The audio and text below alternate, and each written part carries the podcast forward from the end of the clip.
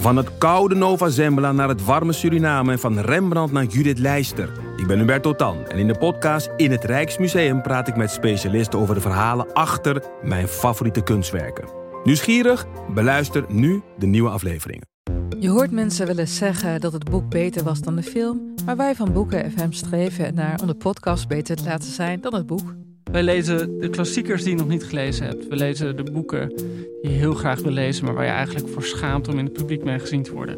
We lezen de Libris-winnaars. Uh, we praten over de Nobelprijslariaten. Allemaal zoals je een etentje hebt. Dat je moeiteloos mee kan praten en dat het lijkt alsof je helemaal belezen bent. Wij zijn Ellen, Joost en Charlotte van Boeken FM. En je kunt ons luisteren in je favoriete podcast-app.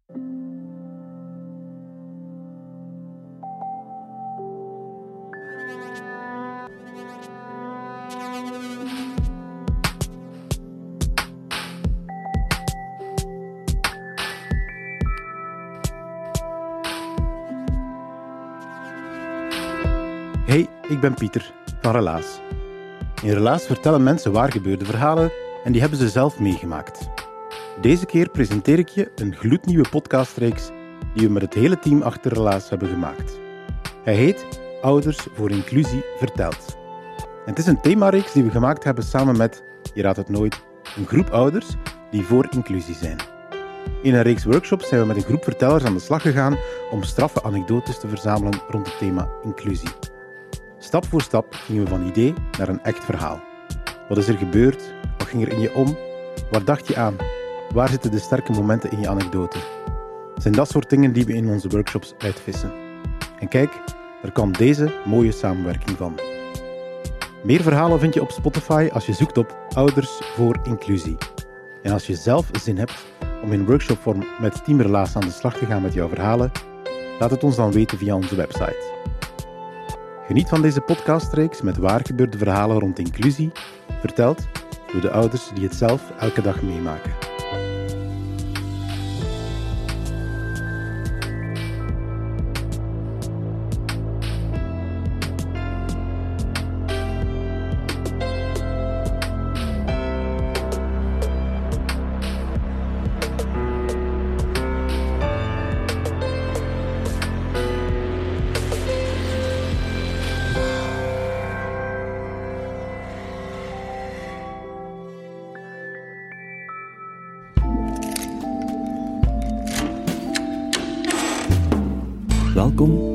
Voor Inclusie Verteld. Een podcast waarin ouders van kinderen in een inclusief traject een verhaal brengen. Verhalen over het zoeken naar een inclusief leven. En over de pieken en dalen die met zo'n zoektocht gepaard gaan. Verhalen die het delen meer dan waard zijn en de ouderstem heel centraal zetten. Verhalen die het traject van andere gezinnen kunnen inspireren, erkennen of vergezellen. Luister mee en laat je mee op sleeptouw nemen door het verhaal van Hadewig.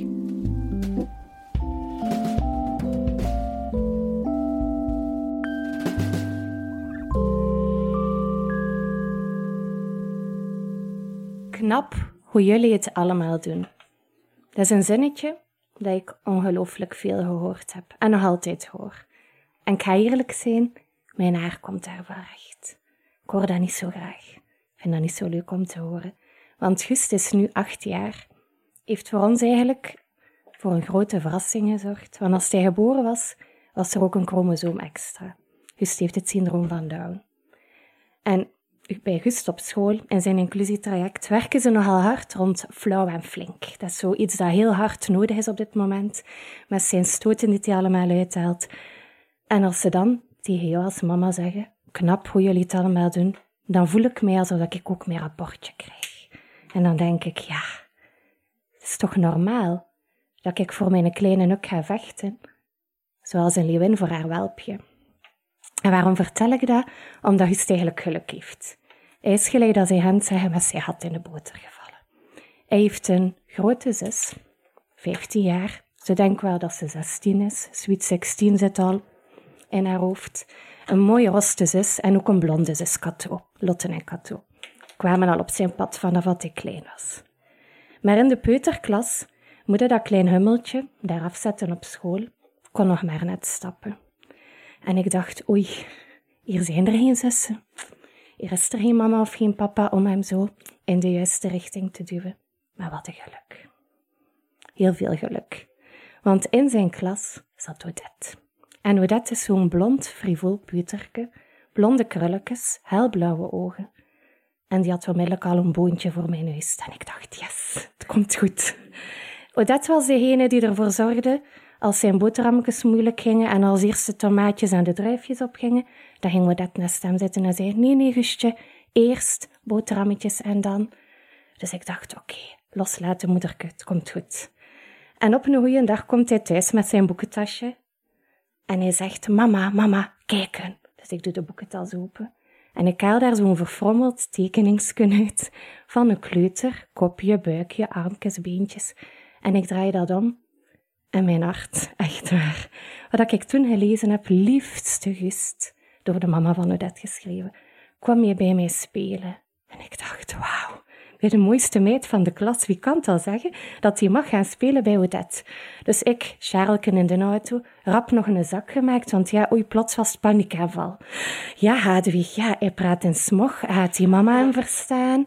Ach, zijn pampers moeten mee, die vochtige doekjes, ja, een koekje voor het glutenvrij, ah, zijn pantoffeltjes. En ik had eigenlijk een pakket gemaakt, gelijk dat hij een kleine en drie weken weg moest.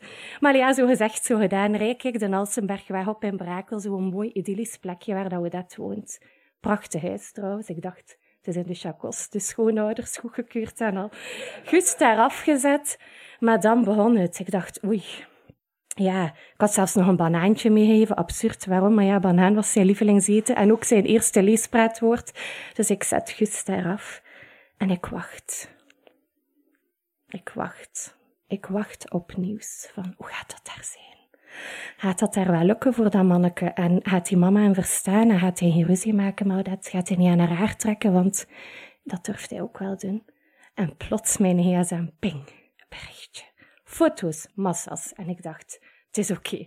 Het komt in de chakos. Samen rollenbollen, samen een banaantje eten. Ik dacht, ja, de banaan, hè. het is goed dat ik dat meegegeven heb. Maar eigenlijk zit die mama, dat was allemaal niet nodig, Hadwig. Het is goed gegaan, het is oké. En hoe dat is zo doorheen Hans zijn kleutercarrière, zijn een blonde draad geweest, zo'n beetje, die zo ook wel zorgde dat August erbij hoorde. En die wel voor een heel mooi, een heel mooi verhaal gezorgd heeft. Maar dan, ja, ging Gust naar het eerste leerjaar. En hoe dat was daar niet meer, want Gust was veranderd van school. Dat was even paniek, want ja, zijn speeldate hè, kwam in het gedrang. Nu is hij dat nog altijd hoor, we spreken nog altijd af. Maar dan kwam hij op zijn nieuwe school en was Nona daar. Terug blond, sorry, cliché, maar het was zo. En Nona is een meisje die bij hem in het tweede leerjaar zit. Hij zat in het eerste leerjaar, want Gust zit in een graadsklas. En ze komt op een dag bij mij en ze zegt, Hadwig, ik heb een boekje gemaakt om reclame te maken voor Gust. Zeg, oei, zeg reclame te maken voor Gust, zeg, wat moet ik mij daarbij voorstellen? Ja, kijk, kijk, kijk. En ze toont dat kei vier. En ik kijk in dat boekje en wat zie ik? Nona, die door papa Renaat, zat haar papa mee in het plan geschakeld. Dat moesten kleurenfoto's zijn, dat moest prachtig zijn. Nona had een smogboekje gemaakt voor Gust, met alle gebaren die ze in de klas geleerd had. Met spelen, met werken. En zat daar zo in haar mooie krullettertjes, zo fonetisch eerste leerjaargeschrift, al die woordjes bijgeschreven. En daar ook nog een tekeningsje bij gemaakt. En ik dacht, maar jong, fantastisch. Hij mocht dan naar de minister gaan brengen, want zo'n boekje om reclame te maken voor Gust die in jouw klas zit, dat deed mij zo deugd. Maar natuurlijk, Nona schoof door. Want Gust zat in de graadsklas, schoof op naar tweede leerjaar. Geen blonde meisjes in zijn klas die boontjes hadden, dus het was even bang afwachten. Maar toen was Lola daar. En Lola, amai, die mag er zijn. Die heeft zo ros haar, vaak in een vlechtje of een staartje, altijd af. Zo in de mooie aardse tinten gekleurd en helblauwe ogen. En die had toch wel weer chance, zeker, die de kleine van mij. Lola had een boontje voor Gist. Dus weer een meisje in zijn leven die hem meenam op pad in zijn inclusietraject.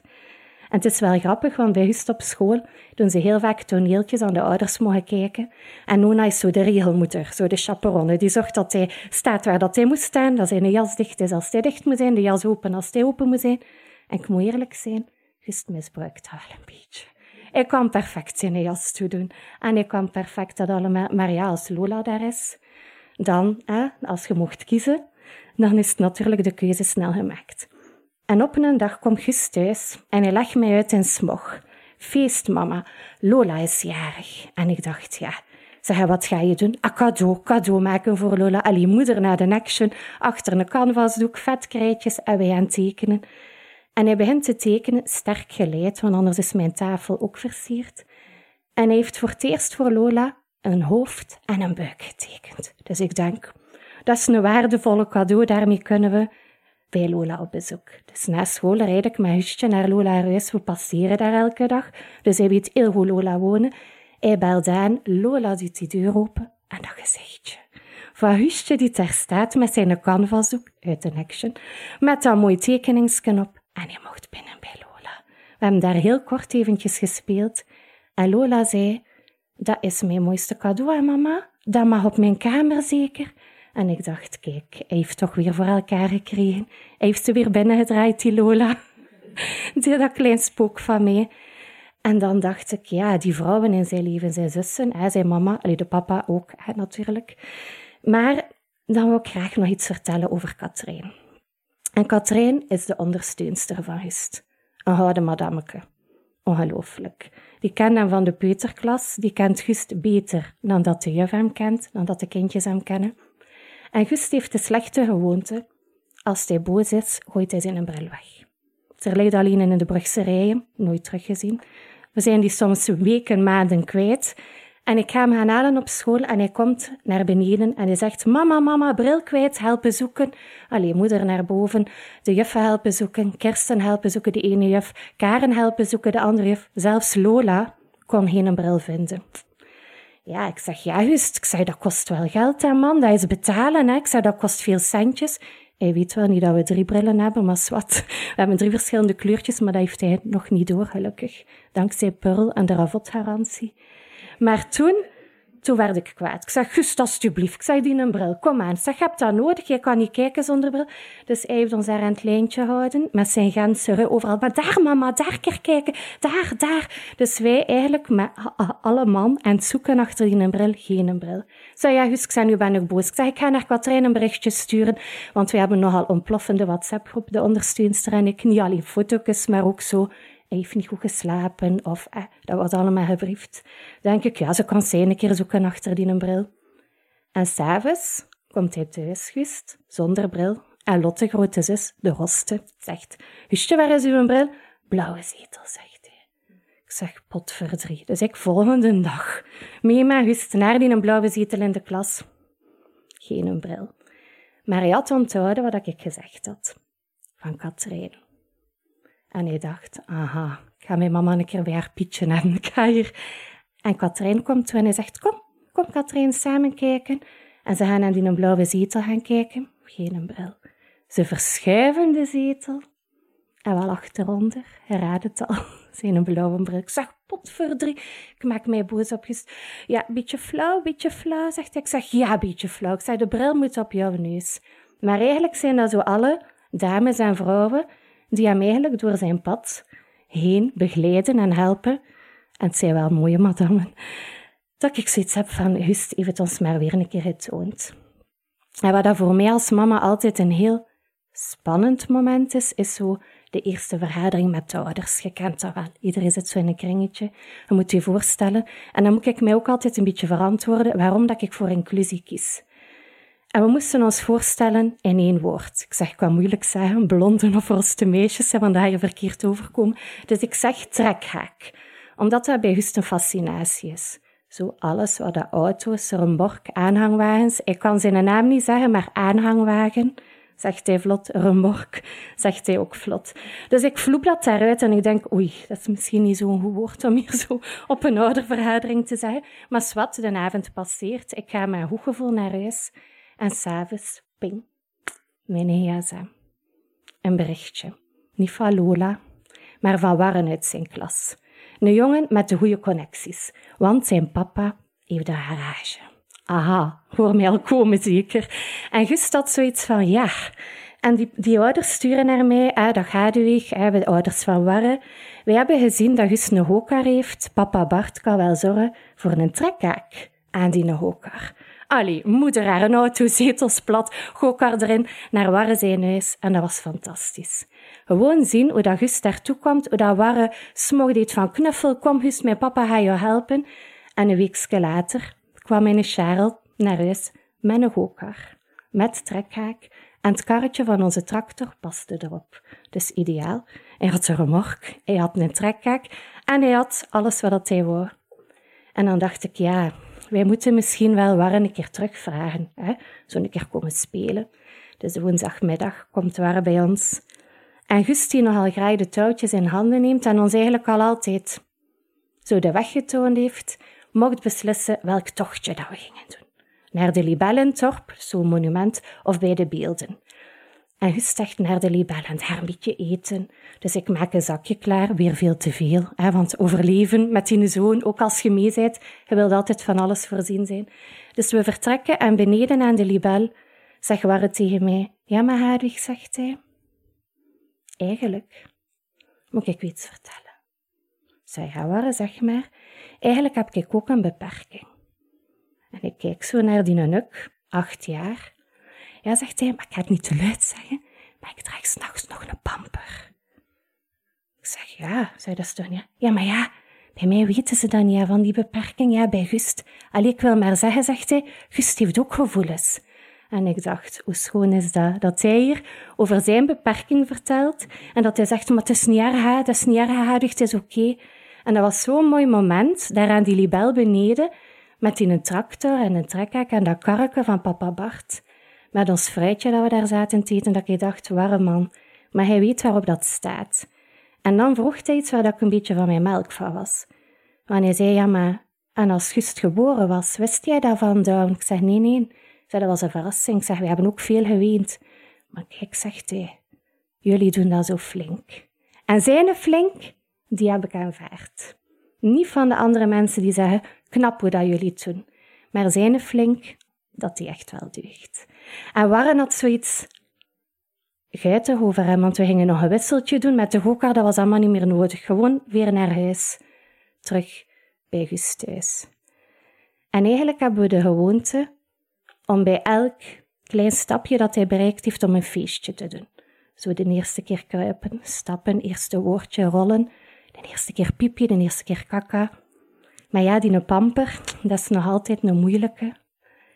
Maar nu liggen de ballonnen klaar, onze slingers ook, voor ons volgende feestje. Want pipi kaka begint te lukken. En we gaan moeten zorgen dat we al zijn meiden niet vergeten. De blonde, de roste en iedereen van op zijn pad.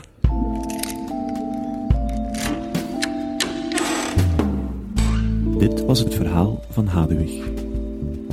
Het kwam tot stand op initiatief van Ouders voor Inclusie onder begeleiding van Relaas. Beluister ook zeker de verhalen van andere ouders in deze reeks. Meer info over Ouders voor Inclusie vind je op oudersvoorinclusie.be.